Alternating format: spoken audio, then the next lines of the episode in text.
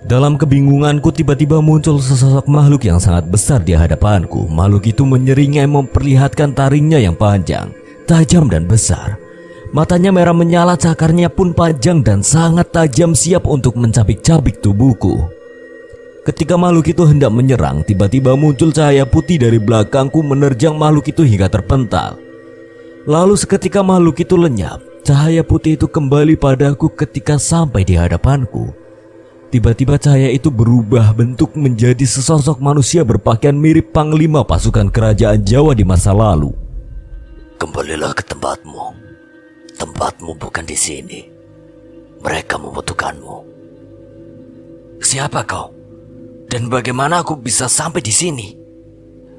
Aku leluhurmu. Kau merupakan keturunan jauh dari kerajaan. Assalamualaikum warahmatullahi wabarakatuh. Kembali lagi di channel Portal Dimensi dan tentunya masih bersama saya Kang Selamat di sini. Kali ini Kang Selamat akan menceritakan sebuah kisah mistis pendakian yang berjudul Diksar mencekam kelompok pecinta alam. Cerita ini ditulis oleh Henry Setiawan. Sebelum kita masuk ke ceritanya, buat kalian yang belum subscribe channel ini, tekan tombol subscribe-nya dan tekan tombol notifikasinya agar kalian tidak ketinggalan cerita terbaru dari Portal Dimensi. Gak usah berlama-lama lagi, langsung saja kita masuk ceritanya. Diksar mencekam kelompok pecinta alam.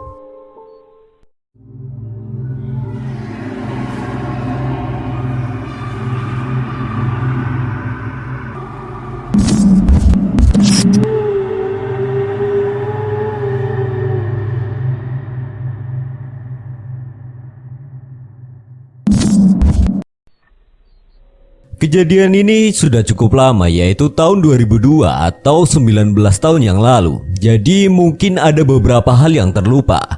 Harap dimaklumi ya, nama toko dan tempatnya terpaksa harus saya samarkan karena saya belum meminta persetujuan dari mereka yang saya ceritakan di sini. Suatu hari di tahun 2002, aku ditemui oleh seniorku di organisasi pecinta alam dia memintaku terlibat di kegiatan Diksar, sebuah organisasi Sispala yang baru dibentuknya. Diksar ini merupakan Diksar angkatan pertama, jadi organisasi ini belum memiliki anggota senior. Oleh karena itu, para instruktur dan pelaksana Diksar direkrut secara terpisah oleh rekanku yang membentuk organisasi tersebut. Singkat cerita, tibalah di hari yang telah ditentukan untuk pelaksanaan Diksar tersebut. Diksar dilaksanakan selama tiga hari dua malam di sebuah kaki gunung di Jawa Tengah. Kita sebut saja namanya Gunung Wingit dan nama tempat kegiatan itu kita sebut saja Alas Widuri. Awal mula aku belum paham mengenai karakteristik lokasi Diksar tersebut. Karena ini pertama kalinya aku ke sana kalau gunungnya sih sudah beberapa kali kudaki. Tapi melewati jalur dari sisi lain Alas Widuri itu tapi ada satu hal yang menarik mengenai tempat tersebut, yaitu ketika rekanku mengatakan, "Kamu pasti suka tempatnya, dingin dan hitam." Begitu dia bilang, dan cukup membuat rasa penasaranku membuncah tak terkendali. Hari pertama Diksar, sebelum ke lokasi kami semua berkumpul dulu di sekolah SMA yang menjadi home base organisasi Sispala tersebut. Kami melakukan upacara pembukaan yang dipimpin kepala sekolah juga sesi-sesi lainnya untuk melengkapi persiapan seperti pengecekan peserta, pengecekan kesehatan, pengecekan perlengkapan dan lain-lain. Setelah dipastikan semua lengkap, kami pun berangkat ke lokasi menggunakan truk waktu saat itu menunjukkan pukul 2 siang. Jarak lokasi Diksar dengan sekolah memang tidak terlalu jauh, oleh karenanya hanya dibutuhkan waktu sekitar satu jam saja untuk perjalanan menuju ke lokasi. Sekitar pukul 3 sore kami sudah sampai di lokasi dengan selamat tanpa kurang satu apa pun. Begitu sampai di lokasi, seketika aku tertegun. Ini pertama kalinya aku mendatangi tempat sedingin dan sekelam ini. Secara kasat mata, lokasi kegiatan ini tidak jauh berbeda dengan lokasi-lokasi wisata luar ruangan lainnya. Penggambarannya hamparan hutan pinus pada sebuah lembah yang cukup luas. Ada sungai cukup besar di salah satu sisinya. Hamparan camp area yang sangat representatif dan bersih terbukti pengelolaannya cukup baik atau mungkin memang karena jarang didatangi. Belakangan aku baru menyadari tempat ini memang jarang didatangi karena memang dikenal angker oleh masyarakat setempat. Aku yang berada di posisi instruktur tamu tidak ikut terlibat dalam hal perizinan dan hal administratif lainnya. Jadi aku menganggap semua hal tersebut sudah beres. Tinggal fokus pada tugas yang diberikan kepadaku nantinya. Setelah menjalankan sholat asar secara berjamaah, tim instruktur melakukan briefing singkat di dalam tenda panitia untuk mematangkan rencana kegiatan hari pertama hingga hari kedua besok. Sedangkan para peserta diberikan tugas mendirikan camp berupa bivak menggunakan jas hujan ponco. Hasil briefing sore itu adalah kegiatan nanti malam berupa penggemblengan mental dan ideologi atau umumnya disebut jurit malam. Usai briefing, kegiatan diisi orientasi lapangan oleh peserta Diksar yang dipandu beberapa instruktur. Mereka berkeliling lokasi kegiatan hingga radius tertentu. Aku yang tidak ikut bertugas sore itu memilih santai, rebahan di bawah sebuah pohon pinus besar sambil merokok. Menyedot jarum super sambil ditemani secangkir kopi di sebuah kaki gunung yang sejuk memang tiada duanya. Teman-teman instruktur lainnya sedang melakukan apa? Aku tidak tahu dan tidak peduli karena saat ini aku sengaja menyendiri menikmati suasana hutan pinus. Hutan widuri yang sejuk namun memiliki aura kelam. Ah, sudahlah. Yang penting kopi dan rokok ini tetap nikmat. Beberapa saat kemudian ketika aku sedikit sudah terlena oleh suasana, tiba-tiba aku merasakan hawa dingin yang tidak biasanya. Hawa dingin yang seolah menjalar namun menakutkan. Aku pun sedikit beranjak dari posisi rebahan dan duduk mengamati suasana sekitar. Tak lama aku dikagetkan dengan munculnya semacam kabut tipis namun bergerak cepat melewati tubuhku menuju ke atas bukit di belakangku. Tak lama kemudian aku mendengar teriakan atau tepatnya jeritan dari atas sana. Suara perempuan yang ku dengar tapi aku tidak tahu siapa yang menjerit. Seketika aku berdiri dan mencari sumber suara tersebut. Tak lama muncul beberapa teman instruktur dari bawah sana berlari ke atas menuju tempatku berdiri. Kamu dengar juga ada yang teriak tadi? Kata Rama salah satu instruktur juga. Iya aku dengar. Siapa ya? Aku nggak tahu yang jelas arahnya dari atas sana. Dan peserta sedang kegiatan di sana. Mending kita cek aja dulu. Ayo. Dan kami pun berlari menuju tempat yang kami maksud. Setelah beberapa saat berlari, akhirnya kami sampai di tempat peserta kegiatan. Mereka sedang duduk berkumpul mengerumuni sesuatu. Ada apa Andris? Tanyaku pada Aris, salah satu instruktur juga yang mendampingi peserta kegiatan sore itu. Dita tiba-tiba pingsan. Aku baru mau nyuruh salah satu peserta cowok nyusul kalian ke bawah, tapi kalian udah sampai sini duluan. Ya udah deh, bantu kita. Aku tadi dengar ada yang teriak, makanya aku inisiatif lari ke atas. Jawab Rama. Apa kamu bilang kamu dengar ada yang teriak? Kan jarak camp lumayan jauh dari sini. Aku rasa nggak mungkin di bawah sana bisa dengar meskipun ada yang teriak sekencang apa pun dari sini. Kata Aris keheranan. Mendengar ucapan Aris, aku, Rama, dan Ardi pun tertegun. Kami baru menyadari kalau tadi kami memang berlari cukup jauh untuk sampai di lokasi ini. Dan secara logika memang benar apa yang dikatakan Aris. Rasanya tidak mungkin kami bisa mendengar teriakan sekeras apa pun dari sini hingga ke lokasi camp. Udah-udah, kita pikirin nanti aja. Sekarang kita bawa Dita ke bawah dulu. Bentar lagi malam. Gak lucu kalau kita masih di sini malam-malam dalam kondisi seperti ini. Kami berempat pun membawa Dita ke area camp sedangkan peserta lain dipimpin oleh ketua regu mereka kembali ke camp juga. Anehnya meskipun kami berempat mengangkat Dita yang badannya kecil merasa kesulitan karena kami merasa badan Dita semakin lama semakin bertambah berat. Hingga di tengah perjalanan akhirnya kami berempat memutuskan istirahat sebentar karena sudah tidak kuat lagi mengangkat badan Dita.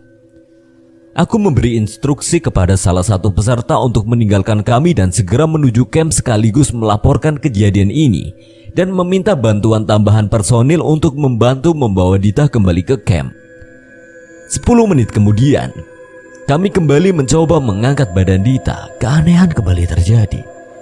Kali ini kami berempat sama sekali tidak mampu mengangkat badan Dita yang semakin bertambah berat berkali-kali lipat. Sekuat apa pun kami berusaha mengerahkan seluruh tenaga, Tapi badan Dita sama sekali tak bergeming seolah menempel pada tanah. Menyadari keadaan semakin aneh, kami hanya bisa saling berpandangan. Entah ide dari mana, secara spontan aku berinisiatif membaca ayat kursi. Ketiga rekanku pun spontan mengikutinya. Beberapa kali aku mengulang membaca ayat kursi, tiba-tiba mata Dita terbuka dan memandang kami berempat secara bergantian dengan tatapan tajam penuh kebencian. Tak lama Dita pun meronta seolah hendak menyerang kami. Kami pun bereaksi menahan badannya entah mendapatkan kekuatan dari mana. Tenaga Dita menjadi sangatlah besar. Kami pun merasa kewalahan menahannya. Tapi tak lama kami pun akhirnya sanggup menguasainya. Meskipun dengan sangat bersusah payah, empat orang pria dewasa melawan seorang cewek pelajar, tapi kami hampir saja kalah. Kami berempat masing-masing menahan kedua tangan dan kedua kakinya, meskipun dia masih mencoba melawan. Tapi kami masih tetap bisa menguasainya. Tidak ada hal lain yang bisa kami lakukan selain tetap menahan badan Dita sambil menunggu bantuan personil datang. Akhirnya yang kami tunggu-tunggu pun tiba, empat orang lagi datang. Salah satunya adalah seniorku yang mengajak terlibat di kegiatan ini. Yang mana dia adalah penduduk asli lereng salah satu gunung di Jawa Tengah yang memiliki sedikit kelebihan dalam hal gaib. Dia bernama Sandi. Tetap ditahan dulu, jangan dilepas dulu ya. Ucap Sandi sambil berlari menghampiri kami. Kami tak menjawab, hanya tetap berkonsentrasi menahan tubuh Dita yang semakin lama kami rasakan semakin besar tenaganya. Ketika sampai Sandi langsung memegang kening Dita dan memejamkan mata sambil berdoa. Entah doa apa yang dia lantunkan. Tapi tak lama mata Dita pun terpejam dan badannya menjadi semakin lemas tak berdaya. Udah, aman ini. Kita angkat aja dulu ke bawah. Ucap Sandi lagi, kami pun kembali mengangkat badan Dita dan membawanya ke camp. Kali ini badan Dita menjadi ringan dan sangat mudah kami angkat. Tak berapa lama kami pun sampai di camp area Dita yang masih dalam kondisi pingsan kami masukkan ke salah satu tenda yang sudah dipersiapkan khusus untuknya. Ketika aku sedang duduk beristirahat, Sandi menghampiriku dan bicara padaku. Malam ini bakal jadi malam yang panjang, En. Kamu siap-siap aja. Aku butuh bantuanmu nanti. Aku tidak menjawab, hanya menghembuskan nafas panjang pertanda aku tidak akan bisa menolak apa pun situasi yang nantinya akan kami hadapi. Malam pun kini telah jatuh secara sempurna, kegelapan sudah menguasai setiap senti tempat ini, dan ketegangan yang sesungguhnya baru akan dimulai. Masih hari pertama, malam kisaran pukul 8 Dita yang pingsan sejak sore tadi sudah mulai membaik. Dia sudah sadar meskipun badannya terasa sangat lemah dan masih belum bisa bergabung untuk kegiatan Diksar ini. Kami secara bergantian menemaninya di dalam tenda, mengajak ngobrol dan bercanda supaya pikiran dia tidak kosong, setidaknya sampai dia lelah dan beristirahat. Di tenda yang lain, tim instruktur membahas kelanjutan kegiatan Diksar ini. Pilihan yang kami hadapi adalah tetap melanjutkan kegiatan apa pun resikonya. Tentunya kami tetap mempersiapkan antisipasinya atau menghentikan kegiatan dan pulang. Setelah melalui pembahasan dan pertimbangan, akhirnya kami memutuskan tetap melanjutkan kegiatan. Tetapi kegiatan jurit malam ditunda besok. Malam ini kegiatan ringan saja dan istirahat. Sisa kegiatan lainnya didapatkan untuk besok. Sedangkan para peserta saat ini dikumpulkan mengelilingi api unggun dan diisi kegiatan keakraban oleh beberapa instruktur lainnya. Sekitar pukul 10 malam ketika kegiatan keakraban masih berlangsung, aku yang sedang duduk santai bersama Sandi tak jauh dari lokasi kegiatan. Tiba-tiba kembali merasakan hawa aneh. Hawa dingin menusuk dan gelap seolah membawa aura kelam tiba-tiba datang menyelimuti area camp kami. Sandi pun sama merasakan juga perubahan suasana ini. Kamu ngerasain juga kan, En? Itu alasannya aku butuh kamu malam ini sampai selesai kegiatan nanti. Tapi aku nggak ngerti soal beginian, Bang. Gak masalah. Kamu cukup ikuti instruksiku aja nanti. Selebihnya serahkan padaku. Yang jelas malam ini kamu gak boleh tidur sampai besok matahari keluar. Sial, tapi mau gimana lagi? Kamu seniorku bang, aku nggak bisa nolak. Tenang aja, jatuh rokokmu aman pokoknya. Eh, ngadepin setan gak cukup cuma pakai rokok, Bang. Udah santai aja. Anggap aja pembelajaran buatmu suatu saat bakal berguna buatmu juga. Aku tak menjawab, hanya menghela nafas panjang yang rasanya menjadi semakin berat. Baru saja kami hendak beranjak untuk bergabung bersama yang lainnya, tiba-tiba kembali terdengar teriakan dari salah satu peserta cewek yang ikut acara keagrapan. Kami pun bergegas berlari menuju sumber suara tersebut. Terlihat Reni salah satu peserta diksar merintih kesakitan sambil memegang salah satu kakinya. Setelah diperiksa ternyata ada seekor lipan berukuran sedang menggigit betis sebelah kiri. Setelah diamankan, lipan tersebut dilepaskan dan dilarang dibunuh sesuai instruksi Sandi. Lipan merupakan jenis hewan melata berbisa ringan. Jika menggigit menimbulkan sensasi panas dan perih. Paling parah mungkin hanya demam, tetapi tidak mematikan. Tadinya kami hendak membunuh lipan tersebut, tapi Sandi melarangnya. Entah apa alasannya. Reni kini telah beristirahat di dalam tenda bersama Dita yang masih lemas tapi sudah sadar sepenuhnya. Meskipun begitu, kami masih harus tetap waspada karena Dita berpotensi mendapatkan gangguan lagi mengingat kondisinya yang selemah ini. Menjelang tengah malam, acara keakraban ditutup dan seluruh peserta diistirahatkan di bivak masing-masing. Tim instruktur diberikan waktu istirahat juga kecuali yang mendapatkan tugas berjaga secara bergantian. Aku dan Sandi tentu saja tidak tidur. Kami hanya duduk santai di dekat api unggun sembari menikmati kopi dan rokok. Tidak ada yang bisa kulakukan kecuali menunggu instruksi atau tugas dari Sandi. Beberapa waktu duduk tanpa aktivitas berarti membuat rasa kantuk mulai menyerangku. Beberapa kali aku menguap dan hampir terlelap. Beberapa kali pula Sandi menegurku supaya tidak tertidur. Semakin lama aku semakin tidak mampu menahan rasa kantuk ini. Demi mengusir rasa kantukku, aku pun berinisiatif mengambil gitar yang tadi sempat digunakan untuk acara keakraban. Sandi tampak tidak keberatan, mungkin dia menyadari bahwa aku sudah hampir tidak kuat menahan kantuk. Sebetulnya aku ini termasuk golongan kalong alias manusia yang tahan begadang bahkan hingga dua atau tiga hari tidak tidur sama sekali sudah biasa kulakukan. Apalagi jika sedang mengerjakan proyek yang mendekati deadline. Tapi anehnya malam ini aku benar-benar merasa tidak kuat menahan kantuk. Mungkin karena tidak ada kegiatan berarti yang bisa memaksa otak dan fisik bekerja terus-menerus. Ditambah suasana hening dan sejuk hutan widuri ini. Atau mungkin ada faktor lain. Sadi yang juga termasuk seorang pekerja seni mampu membangun suasana menjadi sedikit bersemangat dengan permainan gitarnya yang memainkan lagu-lagu baldas baik lokal maupun internasional. Dia sengaja memainkan lagu-lagu yang ku kenal dan bisa kunyanyikan supaya aku tidak tertidur. Tentu saja kami tetap menjaga volume suara kami supaya tidak mengganggu istirahat peserta dan teman-teman instruktur lainnya. Baru beberapa lagu kami mainkan, tiba-tiba Sandi menghentikan petikan gitarnya dan memandang area sekitar dengan tatapan tajamnya. Kamu tahu kenapa tadi kamu ngantuk berat, Hen? Entah bang, aku juga heran. Biasanya aku paling tahan begadang, mungkin karena suasananya enak sih, jadi gampang ngantuk. Bukan itu. Kita dari tadi sebetulnya lagi diserang. Yang diincar sekarang adalah anak-anak yang mentalnya belum kuat. Sedangkan kita yang lebih kuat diserang-serang dengan disirap. Supaya kita terlena dan tertidur. Kalau kita udah tidur, otomatis penjagaan kosong dan mereka gampang diserang. Siapa yang mau nyerang, Bang? Mereka yang menguasai wilayah ini. Tapi kenapa? Bukannya kita kegiatan di sini udah izin?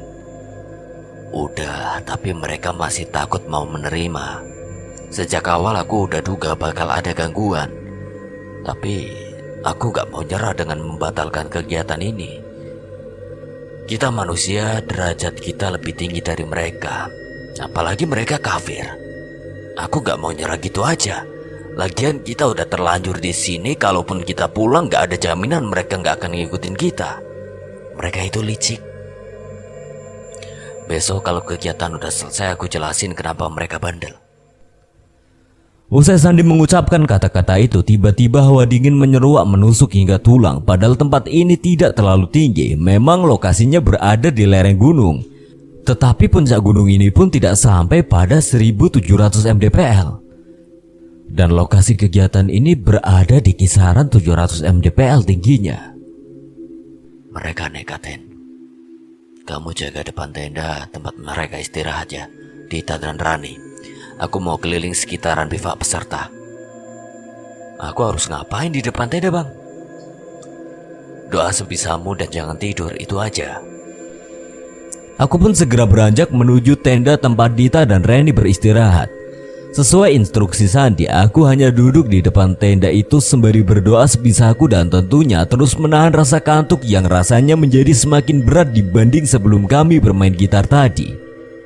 Ketika aku sedang berusaha terus berdoa dan menahan kantuk, tiba-tiba aku dikagetkan dengan munculnya sosok dari kegelapan samping tenda. Setelah sedikit memfokuskan pandangan, ternyata itu adalah Dita yang berjalan dari kegelapan menuju ke tenda. Aku sempat keheranan karena sejak aku duduk di depan tenda ini, aku tidak melihat Dita keluar dari tenda. Sedangkan sebelum aku ke sini depan tenda ini dijaga terus oleh dua orang instruktur yang lain. Aku segera menghampiri Dita karena khawatir terjadi sesuatu mengingat kondisinya saat ini. Kamu dari mana, Dit? Kok nggak bilang-bilang? Dita tidak menjawab hanya melemparkan senyum padaku Senyum yang cukup aneh dan aku merasa seperti tidak sedang berbicara dengannya Ya udah kamu masuk tenda lagi aja Jangan ke mana-mana Karena kamu belum benar-benar pulih lagi-lagi Dita tidak menjawab dan segera masuk kembali ke dalam tenda dan sebelum aku menutup rapat resleting pintu tenda, lagi-lagi dia tersenyum aneh padaku. Hingga azan subuh berkumandang dari perkampungan di bawah sana, kami tidak menemui kejadian aneh. Sandi yang sejak tadi sudah bergabung denganku pun segera mengajak sholat subuh dan menyerahkan kegiatan berikutnya kepada teman-teman instruktur lainnya. Hari kedua Diksar, Pagi menjelang siang ini, aku merasakan panas matahari begitu terik hingga menembus ke dalam ruangan tenda yang kutempati untuk tidur dan memaksaku bangun dan sadar sepenuhnya. Sejak pagi tadi aku memang tidur untuk memulihkan kondisi fisik yang sudah lumayan lelah akibat begadang semalaman. Tempat pertama yang kutuju ketika aku keluar tenda adalah tenda tempat Dita dan Rane istirahat semalam. Tenda itu tertutup rapat tapi terlihat aktivitas di dalamnya. Terdengar suara cewek dan cowok sedang ngobrol sembari bercanda di sana.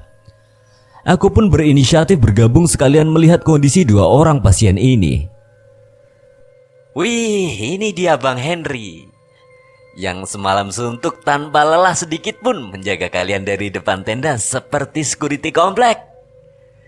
Seluruh Aris ketika aku memasuki tenda mereka diikuti tawa renyah yang lainnya.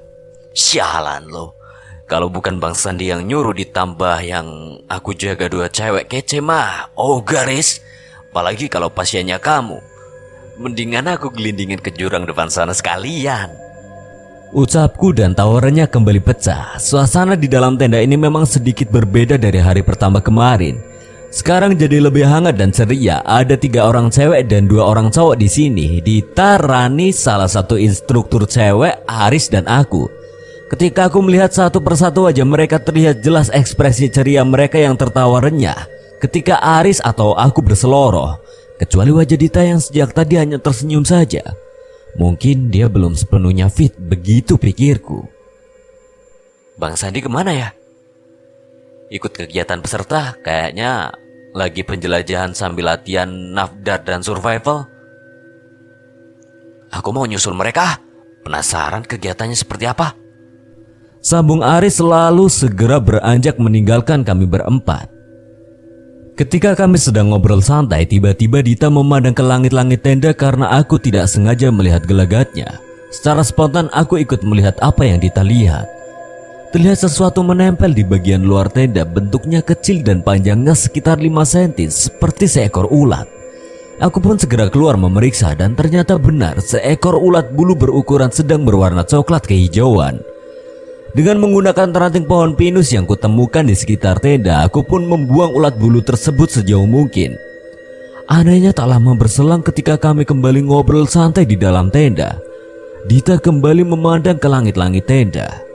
Aku memang sejak tadi selalu mengamati gelagat Dita karena terasa aneh menurutku. Dita terlihat lebih banyak diam dan hanya tersenyum saja ketika kami saling melempar candaan, padahal yang lain selalu tertawa. Ketika aku mengarahkan pandangan ke arah yang Dita lihat, aku kaget karena muncul lagi ulat bulu yang sangat mirip dengan ulat bulu yang sempat kubuang tadi.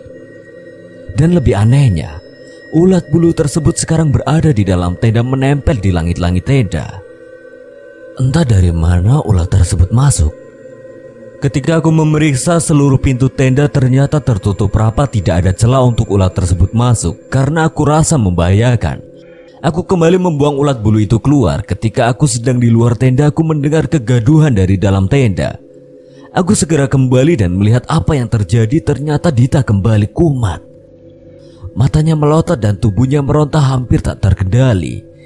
Reni dan teman instruktur pun kewalahan menahan tubuh Dita. Sekuat tenaga kami menahannya supaya tenang.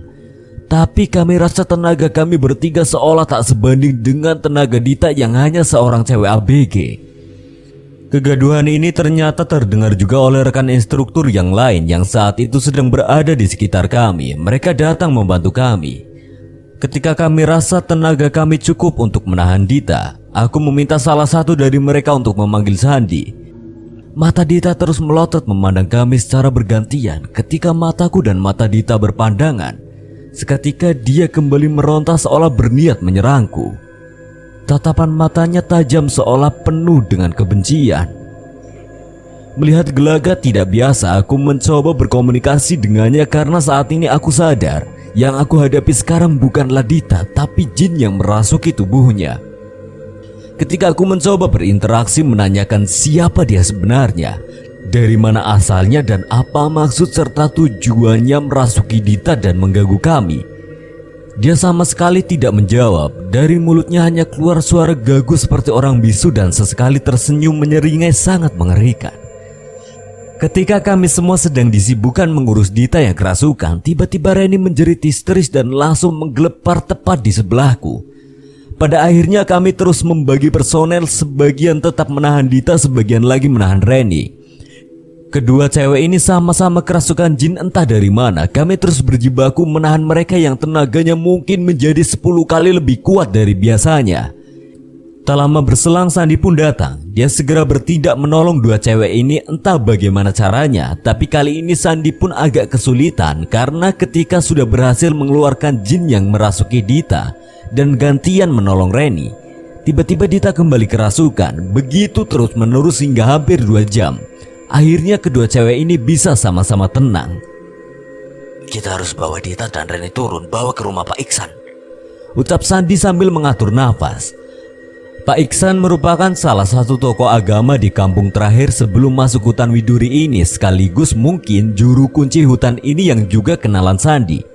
Beliau juga yang merekomendasikan kepada Sandi tempat kegiatan ini sekaligus memberikan jaminan jika terjadi sesuatu beliau akan menolong kami. Sesuai instruksi Sandi, kami membawa Dita dan Rani ke rumah Pak Iksan untuk ditolong oleh beliau. Belakangan aku baru mendapat informasi Ketika Dita dan Reni berada di rumah Pak Iksan, mereka sering mengamuk hingga memukul-mukul tembok dan pintu kamar tempat mereka beristirahat.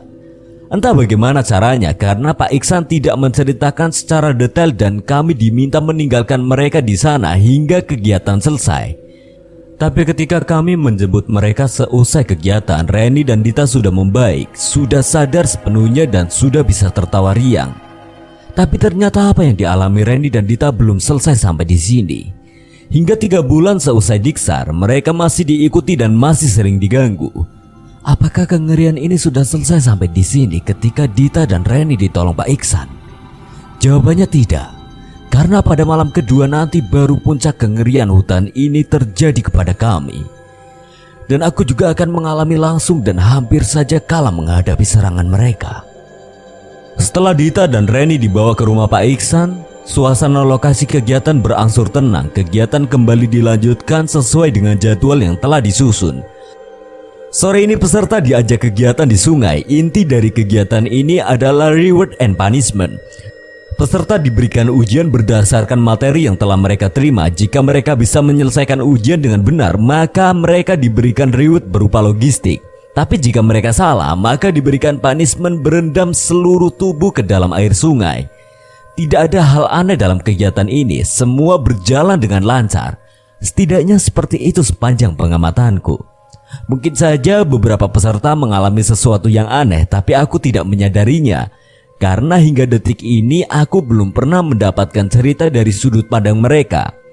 Karena sempat beberapa kali aku menangkap penampakan seperti kabut tapi berwarna kelabu yang terkadang muncul lalu kembali menghilang di sekeliling kami. Menjelang maghrib acara kami hentikan dan memberikan waktu kepada peserta untuk mengganti baju mereka dengan baju kering Karena ternyata seluruh peserta tadi mendapatkan kesempatan untuk berendam di dalam air sungai Sekaligus memberi waktu isoma untuk mereka Diksar malam kedua, malam terakhir dan malam paling mencekam sepanjang kegiatanku di alam bebas. Kegelapan ini telah sempurna menguasai belahan bumi yang kami pijak. Setidaknya begitulah rotasi alam siang dan malam. Siang bagi kami merupakan malam bagi belahan bumi lainnya, pun sebaliknya. Dan malam ini merupakan malam yang tidak akan pernah aku lupakan seumur hidupku.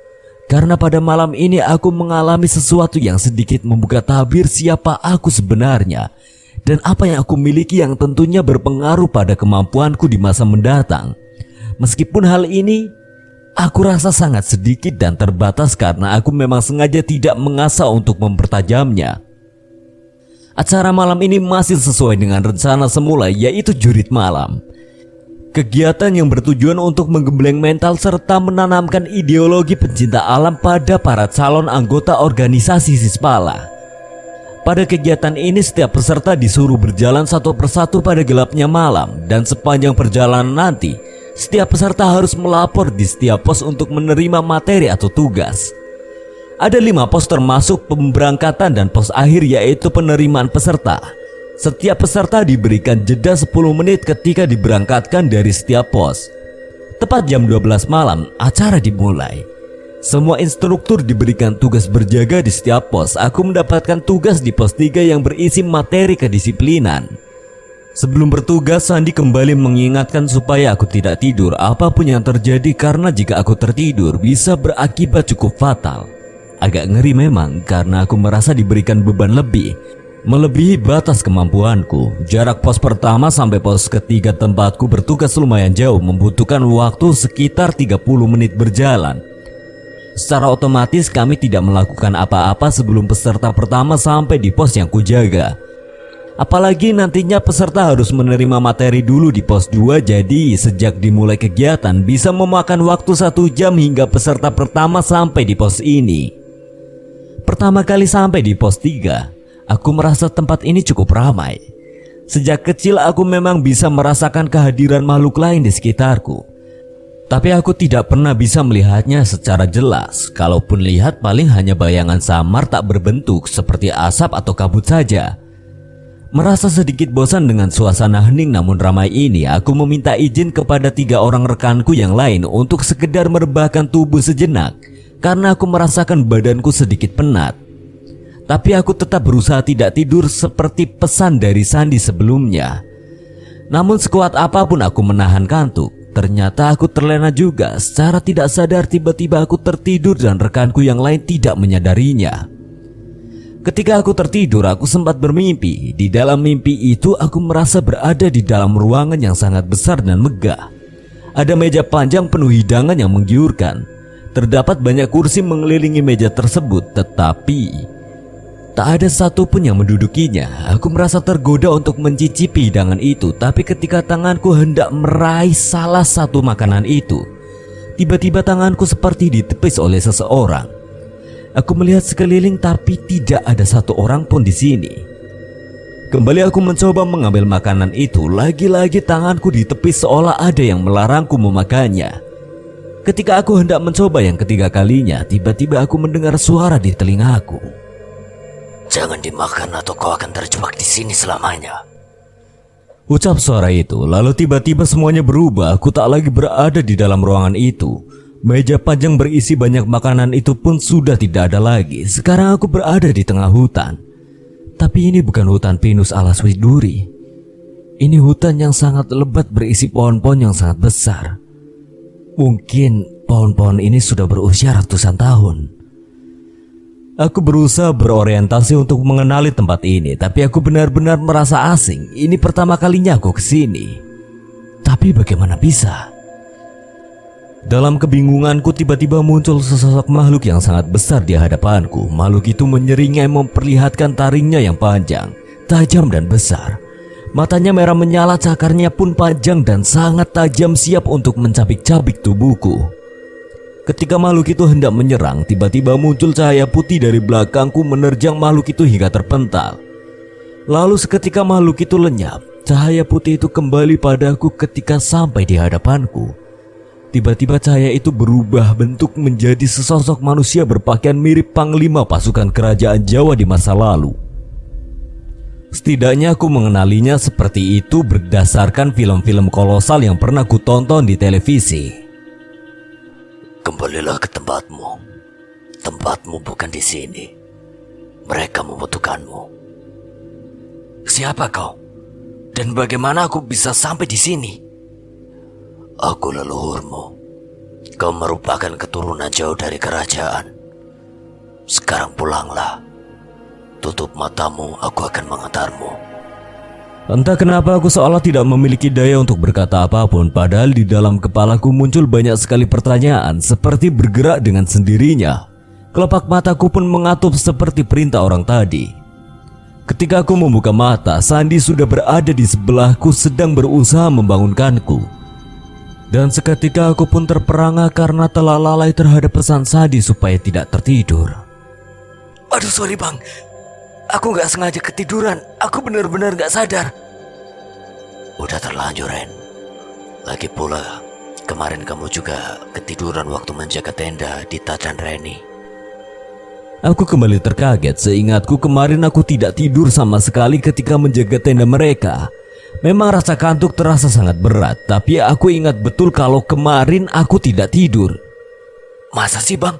Seingatku kemarin aku gak tidur waktu jaga tenda mereka. Kamu gak sadar. Sebenarnya kemarin kamu sempat tertidur. Tapi kamu gak sadar. Itu salah satu cara licik mereka membuat kita terlena dan tidak siaga. Makanya di Ratan Reni kena lagi dan liciknya lagi mereka sengaja tidak langsung menyerang. Tapi mengganggu sampai siang baru mengambil alih raga mereka ketika mereka sedang kosong. Kamu tahu nggak? Jika mereka masuk saat siang artinya mereka memiliki ilmu yang tinggi dan sulit dikeluarkan. Sialnya lagi, jin yang masuk ke tubuh Dita itu jin bisu. Makanya sulit diajak komunikasi. Aduh, sorry bang. Gara-gara aku, mereka jadi begitu ya. Coba kalau aku lebih siaga. Tapi jujur bang, ini di luar kemampuanku. Aku benar-benar gak ngerti hal beginian. Bukan salahmu, En. Aku ngerti. Tapi kamu tadi mimpi ketemu seseorang kan? Dia ngasih tahu sesuatu. Ah, Kok kamu tahu bang? Aku memang mimpi ketemu seseorang, tapi aku benar-benar bingung tak bagaimana. Udah, nggak perlu risau. Apa yang dia bilang di mimpi itu benar. Anggap aja kamu ada yang jaga, makanya dari kemarin aku bilang, kalau aku butuh kamu, suatu saat itu bakal berguna buat kamu. Tapi aku nggak pernah minta, nggak pernah mengharapkan dan nggak pernah nyari juga bang. Aku nggak tahu apa-apa. Dia datang sendiri, Hen. Dari silsilahmu, semoga nantinya kamu bisa gunain dengan bijak. Sekarang gimana, Bang? Apa semua baik-baik aja? Sekarang kondisinya sedikit lebih parah dari kemarin. Tiga anak kena. Sekarang lagi coba diatasi di camp. Waduh, terus peserta yang lain? Yang lain masih lanjut kegiatan gak masalah, makanya aku keliling buat jaga-jaga. Ketika ada satu yang kena, aku langsung mikir pasti kamu ketiduran. Makanya aku langsung nyari kamu. Pas aku lagi jalan, aku malah nemu dua orang lagi kena. Akhirnya bantu mereka dulu baru nyari kamu di sini. Waktu menunjukkan pukul setengah empat pagi ketika peserta terakhir diterima di pos akhir Tidak menunggu waktu lama seluruh peserta langsung dibawa kembali ke camp melalui jalur pintas supaya lebih cepat Tak sampai 30 menit seluruh peserta dan instruktur telah sampai di camp Ketiga anak yang tadi diceritakan Sandi kerasukan kini sedang ditangani di salah satu tenda. Tak terdengar adanya kegaduhan artinya mereka sudah tenang. Aku pun lega. Tapi hal itu tidak berlangsung lama. Kabut pekat tiba-tiba datang menyelimuti area camp kami. Suasana seketika menjadi mencekam. Samarku dengar banyak suara di sekelilingku. Terkadang suara tawa, terkadang tangis, terkadang jeritan, bisikan orang berbicara, suara langkah kaki hingga suara-suara lain yang terdengar asing bagiku. Meski samar, tapi aku merasa tempat ini menjadi sangat ramai seperti pasar. Perlahan namun pasti kabut pekat itu bergerak memusar lalu menuju ke area camp peserta dan seperti sudah kuduga. Segera terdengar suara jeritan dari para peserta. Kali ini bukan bersumber dari satu dua orang tapi banyak. Aku segera berlari menuju camp peserta diikuti hampir seluruh tim instruktur termasuk Sandi. Ketika sampai di area camp suasana benar-benar kacau, barang-barang mereka berserakan di mana-mana. Beberapa anak bertindak aneh, ada yang terduduk sambil memeluk lutut dan menangis. Ada yang sedang berusaha memanjat pohon seperti seekor monyet. Ada yang mengeram seperti seekor harimau, ada yang tertawa histeris, ada yang menggelepar-gelepar dan berbagai ulah lainnya. Sangat sulit digambarkan, suasana saat itu sangat kacau sekaligus mencekam. Ini bukan lagi gangguan, tetapi serangan massal. Ini kesurupan massal. Aku Sandi dan tim instruktur lainnya mencoba mengumpulkan mereka yang kerasukan, sedangkan yang tidak kerasukan menangis ketakutan. Setelah berjibaku dengan mereka, akhirnya kami berhasil mengumpulkan jadi satu semua anak yang kerasukan. Sedangkan yang masih sadar segera kami amankan di tenda komando. Ketika aku melihat ke atas tepat di atas anak-anak yang kerasukan, aku bisa melihat samar-samar tampak pusaran tak beraturan di sana seolah sedang berebut untuk masuk ke dalam tubuh anak-anak itu. Salah satu instruktur sudah pergi menuju rumah Pak Iksan untuk meminta bantuan, sedangkan kami tidak melakukan apa pun kecuali aku yang diperintahkan oleh Sandi menatap mata anak-anak yang kerasukan itu satu persatu. Aku pun mencoba melakukannya, meski tak mudah karena mereka selalu berontak dan berusaha menyerangku ketika aku dekati. Tapi pada akhirnya aku berhasil melakukannya. Hampir azan subuh ketika salah satu senior yang meminta bantuan Pak Ihsan tadi kembali. Tapi dia sendirian, Pak Ihsan tidak ikut ke sini. Katanya Pak Ihsan cukup membantu dari rumah saja. Yang di sini sudah cukup bisa mengatasi. Tinggal tunggu saja azan subuh nanti semua akan baik-baik saja, begitu kata beliau. Dan benar apa yang dikatakan oleh Pak Iksan.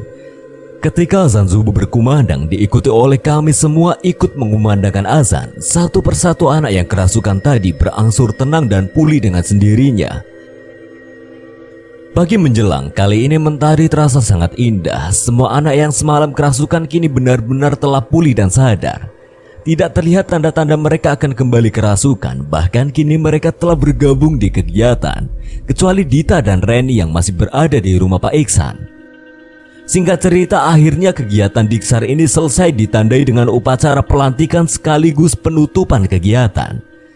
Kini kami telah bersiap untuk pulang. Di perjalanan pulang kami sempatkan mampir di rumah Pak Iksan untuk menjemput Dita dan Reni. Sekaligus berpamitan dan mengucapkan terima kasih. Tepatnya hanya aku dan Sandi yang masuk ke rumah Pak Iksan mewakili semuanya, sedangkan yang lain tetap menunggu di dalam truk. Ketika kami hendak berpamitan, kami sempatkan ngobrol sebentar dengan Pak Iksan. Aku sengaja menanyakan perihal tempat kegiatan kami tadi dan sesuai penjelasan Pak Iksan, ternyata tempat itu adalah area buangan jin dari wilayah lain. Jadi ceritanya dulu di sisi lain gunung ini sedang dibangun tempat ibadah sekaligus tempat dakwah oleh salah satu wali ketika wali tersebut hendak membangun tempat ibadah itu. Ternyata di sana terdapat komunitas jin yang cukup kuat. Wali tersebut menawarkan kepada jin-jin itu untuk diislamkan dan diperbolehkan hidup berdampingan di sana asalkan tidak saling mengganggu antara jin dan manusia. Karena sejatinya jin dan manusia adalah sama-sama makhluk ciptaan Allah yang berkewajiban menyembah Allah. Tetapi dalam prosesnya tidak semua jin bersedia untuk masuk Islam Jin yang memilih tetap kafir tersebut mencoba melawan dan mengusir wali tersebut. Tetapi wali tersebut memiliki kesaktian jauh lebih tinggi.